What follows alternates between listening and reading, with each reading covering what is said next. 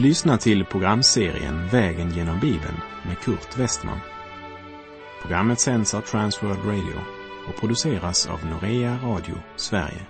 Vi befinner oss nu i Första Petrusbrevet. Slå gärna upp din bibel och följ med.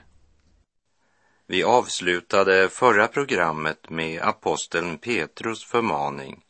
Slutet på allting är nära. Var därför förståndiga och nyktra så att ni kan be. Så att ni kan be.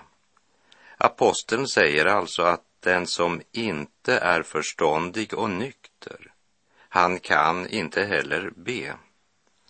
Förståndig. I Saltaren 14.2 skriver salmisten Herren skådar ned från himmelen på människors barn för att se om det finns någon förståndig, någon som söker Gud. Det är mer än en människa som säger, jag är för klok för att kunna tro på en Gud. Men Gud säger att det är inte därför att människan är så klok att hon inte söker Gud, utan därför att hon är så dåraktig. Och det är syndafallet som har förmörkat människans förstånd. Men i sitt högmod inbillar människan sig att hon är sin egen herre. Och i en kultur där synden härskar är det inte plats för den helige Gud i människans tankar. Augustinus sa, hur skulle människan kunna förstå Gud då hon inte ens förstår sin egen själ med vilken hon försöker fatta Gud? Hör vad salmisten säger i den 119 saltarsalmen, vers 130.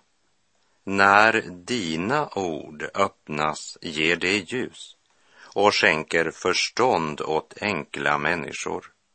Och Ordspråksboken 2, vers 6 proklamerar, ty det är Herren som ger vishet. Från hans mun kommer kunskap och förstånd. Och ett förståndigt Guds barn är alltså ett barn som regelbundet studerar Guds ord, lever i och av Guds ord. Att personligen noggrant studera skriften är alltså att vara förståndig. Och Jesus ger följande förmaning till sina lärjungar i Matteus 10, vers 16. Se, jag sänder ut er som får mitt ibland vargar. Var därför listiga som ormar och oskyldiga som duvor. Det vill säga, vi ska inte vara dumsnälla, vi ska vara förståndiga. Nykter kan nog även sikta till vårt förhållande till rusdrycker, som Paulus skriver i Efesebrevet 5.18. Berusa er inte med vin. Sådant leder till ett liv i laster. Låt er istället uppfyllas av anden. Men här i Petrus första brev kapitel 4, vers 7 handlar det nog om att ha båda benen på jorden. Alltså det motsatta av andligt svärmeri och det motsatta av världslig tanklöshet. Uppmaningen att vara nyktra är en varning till den människa som lever bekymmerslös för det närvarande och tanklös för det tillkommande, för att så, när det är för sent, möta sitt livs största överraskning. Var nykter, det vill säga lev i verkligheten Blunda inte för sanningen.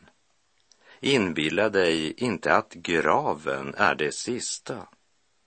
Lev förståndigt med det ljus Guds ord ger och handla därefter. Var nykter och inse att du en gång ska skörda det du har sått. Var förståndig och nykter. Men rätt förstånd och rätt nykterhet det leder till bön till Gud liksom den sorg som är efter Guds sinne leder till frälsning. Ty en sorg efter Guds vilja för med sig en ånger som man inte ångrar och som leder till frälsning. Men världens sorg leder till död, skrev Paulus till de troende i Korint i Andra Korinterbrevets sjunde kapitel. Efter att Petrus förmanat och sagt att slutet på allting är nära och att vi därför ska leva förståndigt och nyktert så att vi kan be, så fortsätter han i vers 8. Framför allt ska ni älska varandra innerligt, ty kärleken överskyler många synder. Petrus talar här om relationen mellan trossyskon. Och det gäller inte bara de som tillhör samma församling som du eller jag. Det gäller alla Guds barn som är födda på nytt och som bekänner sig tro på Bibeln som Guds ord. Och vi älskar dem inte därför att de är så perfekta. Guds barn har mottagit förlåtelse från Gud och är därför villiga att förlåta varandra. Som Jesus lärde oss i bönen Fader vår. Förlåt oss våra skulder, såsom och vi förlåter de som står i skuld till oss. I Ordspråksboken 10, vers 12 står det Hat uppväcker trätor, kärlek skyler allt som är brutet. Kärlekens frukt är det motsatta av skvaller. Det är så mycket som aldrig skulle ha blivit sagt, även om det var sant, om det bara hade funnits en aning kärlek. Kärlek är det första som nämns när det talas om Andens frukt. Galaterbrevet 5.22 Andens frukt däremot är kärlek, glädje, frid och så vidare. Där Guds ord verkligen bor i ett människohjärta och anden har fått utgjuta Guds kärlek i hjärtat. En sådan människa tröttnar inte på att förlåta och skyla en broders synder. Kärleken frossar inte i andras nederlag. Kärleken kväver allt skvaller. Och där kärleken är verksam hindras också syndens söndrande och splittrande makt i församlingen. Framför allt ska ni älska varandra innerligt, ty kärleken överskyler många synder. Gud sänd sin son,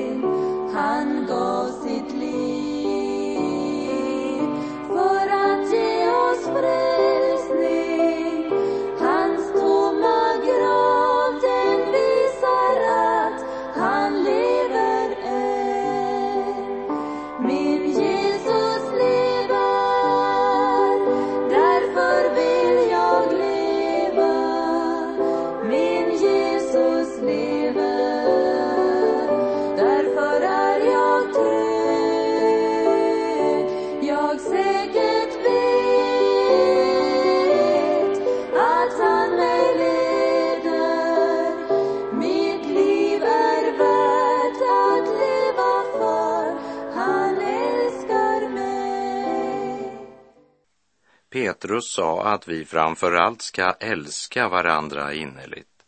Ty kärleken överskyler många synder. Och så fortsätter han, vers 9.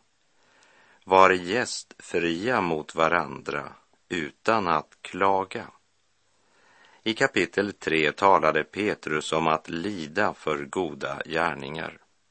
I början av kapitel 4 påminde han om att denna världens barn förvånas över att vi lever annorlunda och inte deltar i deras utsvävningar. Därför hånar de den som lever gudfruktigt. Guds barn är en minoritet och det är inte bara Petrus som säger att Guds barn är hånade, hatade, ja förföljda här i denna värld. Och just därför att det är så är det så viktigt att Guds barn på allt sätt är gästfria mot varandra, visar omsorg och kärlek, räcker ut handen, även när det medför svårigheter för oss själva. Vi ska inte klaga över att kärleken och gästfriheten mot våra trossyskon kan kosta oss en hel del. Vi ska inte klaga över varken de ekonomiska utgifterna som är förenade med denna gästfrihet, inte heller över de praktiska konsekvenser det kan få för oss. Utan vi gör detta med glädje och tacksamhet, i vissheten om att ingenting är vårt. Vi är bara förvaltare vi ska var och en tjäna varandra med den nådegåva vi har fått, säger aposteln Petrus. Vi läser Petrus första brev kapitel 4, vers 10. Tjäna varandra, var och en med den nådegåva han har fått, som goda förvaltare av Guds mångfaldiga nåd. Här är det nog nådegåvorna han framför allt tänker på. Paulus säger i Första Korinterbrevet 12 att vi är en kropp, men många lemmar. Guds skapelseordning är sådan att vi på olika sätt utfyller och kompletterar varandra. Gud har utrustat oss till att tjäna varandra. I Första Korinthierbrevet 12 verserna 4 till och med 7 säger Paulus. Det finns olika slags nådegåvor, men anden är densamme. Det finns olika slags tjänster, men Herren är densamme. Det finns olika slags kraftgärningar, men Gud är densamme, han som verkar allt i alla. Men hos var och en uppenbarar sig anden så att det blir till nytta. Och Petrus understryker den praktiska konsekvensen av denna Guds skapelsehushållning genom att påminna de troende, tjäna varandra, var och en med den nådegåva han har fått som goda förvaltare av Guds mångfaldiga nåd. Nådegåvor eller andlig utrustning är något som Gud ger till den troende för att uppbygga församlingen. Guds ord säger klart att vi som är troende är skyldiga att ställa vår kropp, ja, hela vår personlighet till Herrens förfogande. Gud vill disponera dig, i kraft av sin nåd utrusta dig. På det sättet ska du få tjäna Gud och dina medmänniskor. Varje lem på Kristi kropp har fått en utrustning, en gåva och därmed en funktion. Men det kan nog ibland vara svårt för den enskilda troende att veta vilken nådegåva man har fått eller vilken nådegåva man bör be om. Och den som inte får hjälp och vägledning i församlingsgemenskapen hamnar då i samma situation som den unge mannen som sa att min enda uppgift, det är att sitta på en stol och lyssna under våra möten. Därför kan det verkligen vara på sin plats idag att påminna om alla de olika uppgifter som vi i gemenskap är kallade att utföra. Tjänsterna är många men Herren är densamme. Låt oss höra vad Petrus har att säga om vår förvaltning. Vers 11. Om någon talar skall han tala i enlighet med Guds ord. Har någon en tjänst ska han tjäna efter den kraft som Gud ger, så att Gud i allt blir ärad genom Jesus Kristus. Hans är äran och makten i evigheternas evigheter. Amen. Den som inte förkunnar Guds ord har heller inte något att göra på en församlings talarstol. Samtidigt ska vi ha klart för oss att det är inte likriktning Petrus är ute efter. Herrens budbärare är olika. Deras predikosätt och deras framställning kan vara olika och den ene föredrar den enes sätt att lägga fram budskapet. En annan föredrar en annan. Men så länge båda håller sig till Guds ord så skapar det inte splittring eller partisinne. Vare sig vår personlighet eller vårt predikosätt är på ena eller andra sättet är det en sak som är avgörande och det är att vi talar i enlighet med Guds ord.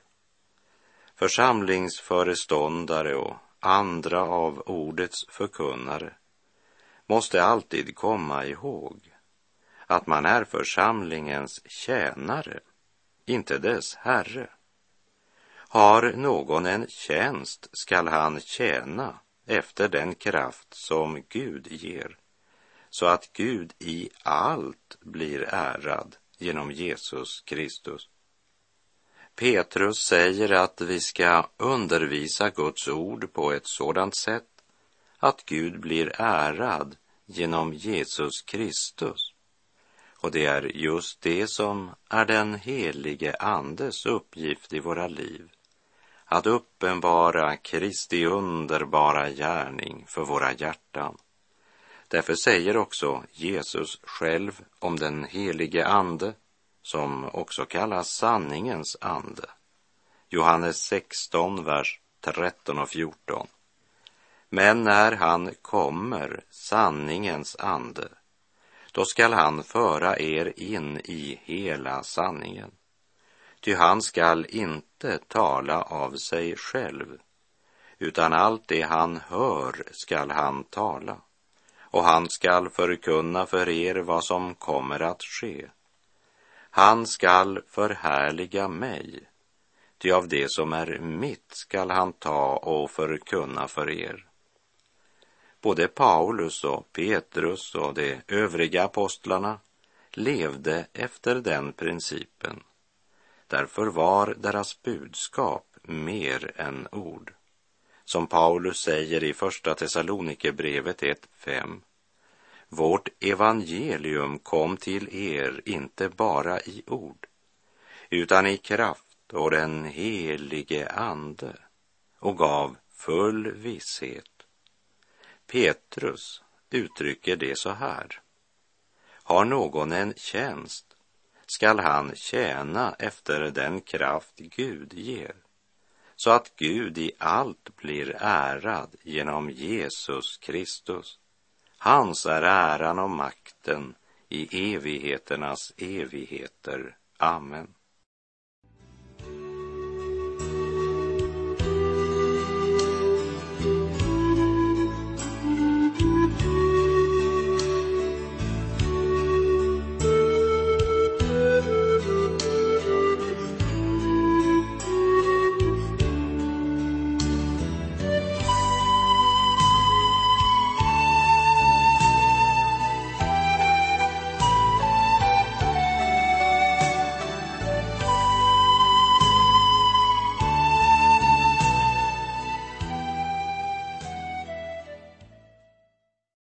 Petrus talade i kapitel 1 om det levande hoppet, i kapitel 2 om det allmänna prästadömet som därmed kräver en ny livsföring av alla som bekänner sig tillhöra Kristus. I kapitel 3 talade han bland annat om att lida för Kristi skull. Och från vers 12 i sitt första brevs fjärde kapitel talar han om en ny sorts lidande och att ett Guds barn inte ska skämmas därför att han lider som kristen, utan han ska prisa Gud och glädja sig ju mera han får dela Kristi lidanden. Det är nästan så att vi tar ett steg tillbaka när aposteln börjar tala på det sättet. Vi läser gärna om syndernas förlåtelse och om Guds välsignelse och att alla Guds löften i Jesus Kristus fått sitt ja och sitt amen. Men när aposteln lyfter vår blick mot denna sanning, att vi måste utstå lidanden därför att vi valt att följa Jesus, då är vi inte lika ivriga att lära sådana verser utan till. Vi minns att Petrus här i kapitel 4, vers 4 sa att hedningarna, de ogudaktiga, var förvånade över att Guds barn inte deltog i deras utsvävningar. Petrus vet att de är förblindade av synden och därför blir de förvånade över hur ett Guds barn lever och vandrar i Guds fruktan och helgelse. Men Guds barn borde inte bli förvånade över det som möter. Vi läser Petrus första brev kapitel 4, vers 12. Mina älskade, var inte förvånade över den eld som ni måste gå igenom till er prövning, som om det hände er något oväntat. Vad Petrus egentligen säger är att motstånd, förakt från världen, hån och lidande egentligen alltid hör med till en kristens normalkontrakt i världen, som Magne Kron har sagt. Och Jesus själv säger så här i Matteus 10.22. Och ni skall bli hatade av alla för mitt namns skull. När föraktet från världen, när motståndet reser sig, när svårigheterna möter oss, så reagerar de flesta av oss som om det vore något underligt, något alldeles oväntat som drabbade oss. När Gud sände Ananias till Paulus för att han skulle få sin syn tillbaka efter händelsen på vägen till Damaskus, så säger Gud till Ananias, jag citerar Apostlagärningarna 9, verserna 15 till och med 17. Gå, han är ett redskap som jag har utvalt för att bära fram mitt namn inför hedningar och kungar och inför Israels barn. Och jag ska själv visa honom hur mycket han måste lida för mitt namns skull. Då gick Ananias och när han kom in i huset lade han händerna på honom och sade Saul, min broder, Herren Jesus som visade sig för dig på vägen hit, han har sänt mig för att du ska kunna se igen och uppfyllas av den helige Ande. Gud sa, jag ska själv visa honom hur mycket mycket han måste lida för mitt namns skull. Och Petrus tjänar samma Herre som Paulus och alla andra sanna Jesu efterföljare. Därför säger han, mina älskade, var inte förvånade över den eld som ni måste gå igenom till er prövning, som om det hände er något oväntat. Vi lever mitt i syndens värld, där de flesta valt att tjäna honom som är en lögnare, ja, lögnens far, tjäna den onde. Och i Johannes 14.30 kallar Jesus Satan för denna världens förste. Och i Johannes 16.33 säger han, detta har jag talat till er för att ni ska ha frid i mig. I världen får ni lida, men var vid gott mod, jag har övervunnit världen. Har du och jag läst dessa Jesu ord? Tror vi vad Jesus säger? Hur kan det då vara att vi blir så förvånade över den eld som vi måste genomgå till vår prövning? Som om det hände oss något oväntat. Till sin unga medarbetare Timoteus skriver Paulus i Andra Timoteusbrevets tredje kapitel, vers 12. Så kommer också alla som vill leva gudfruktigt i Kristus Jesus att förföljas. Det är som om Paulus säger, ska du fortsätta som en Jesu efterföljare så måste du räkna med förföljelser. Världen tål inte Guds fruktan. Samtidigt uppmanar Guds ord oss till att arbeta med fruktan och bävan på vår frälsning. Guds ord uppmanar oss att leva i helgelse. Och Guds ord säger att vi som Jesu lärjungar måste räkna med att bli förföljda. Vi måste räkna med världens hat. Den holländske bibelsmugglaren broder Andreas, som jag hade privilegiet att samarbeta med i åtta år, han berättade att en gång när han besökte några trossyskon i ett land där Bibeln var en förbjuden bok, så började han berätta för den lokala pastorn att i Holland blev ingen förföljd för sin tro. Varför inte det? frågade denne pastor. Därför att i Holland har vi religionsfrihet.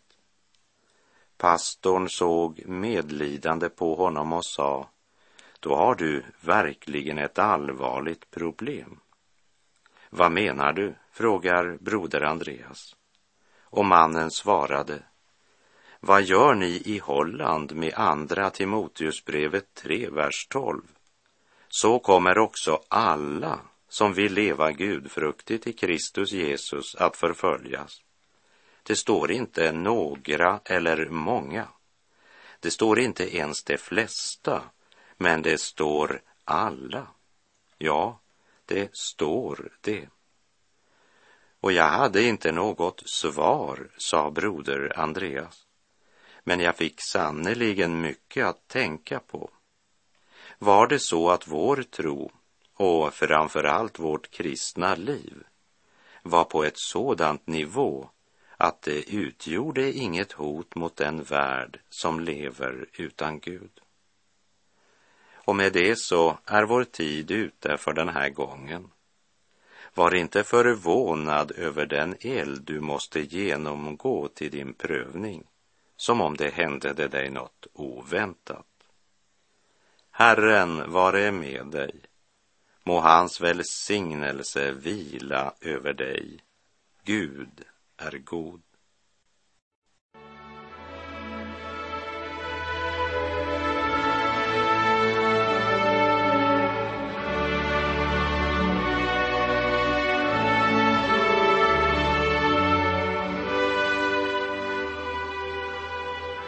Du har lyssnat till programserien Vägen genom Bibeln med Kurt Westman som sänds av Transworld Radio. Programserien är producerad av Norea Radio Sverige.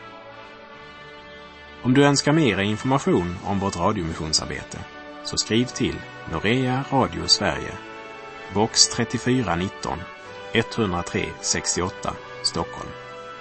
Adressen är alltså Norea Radio Sverige box 3419. Postnumret 10368 Stockholm.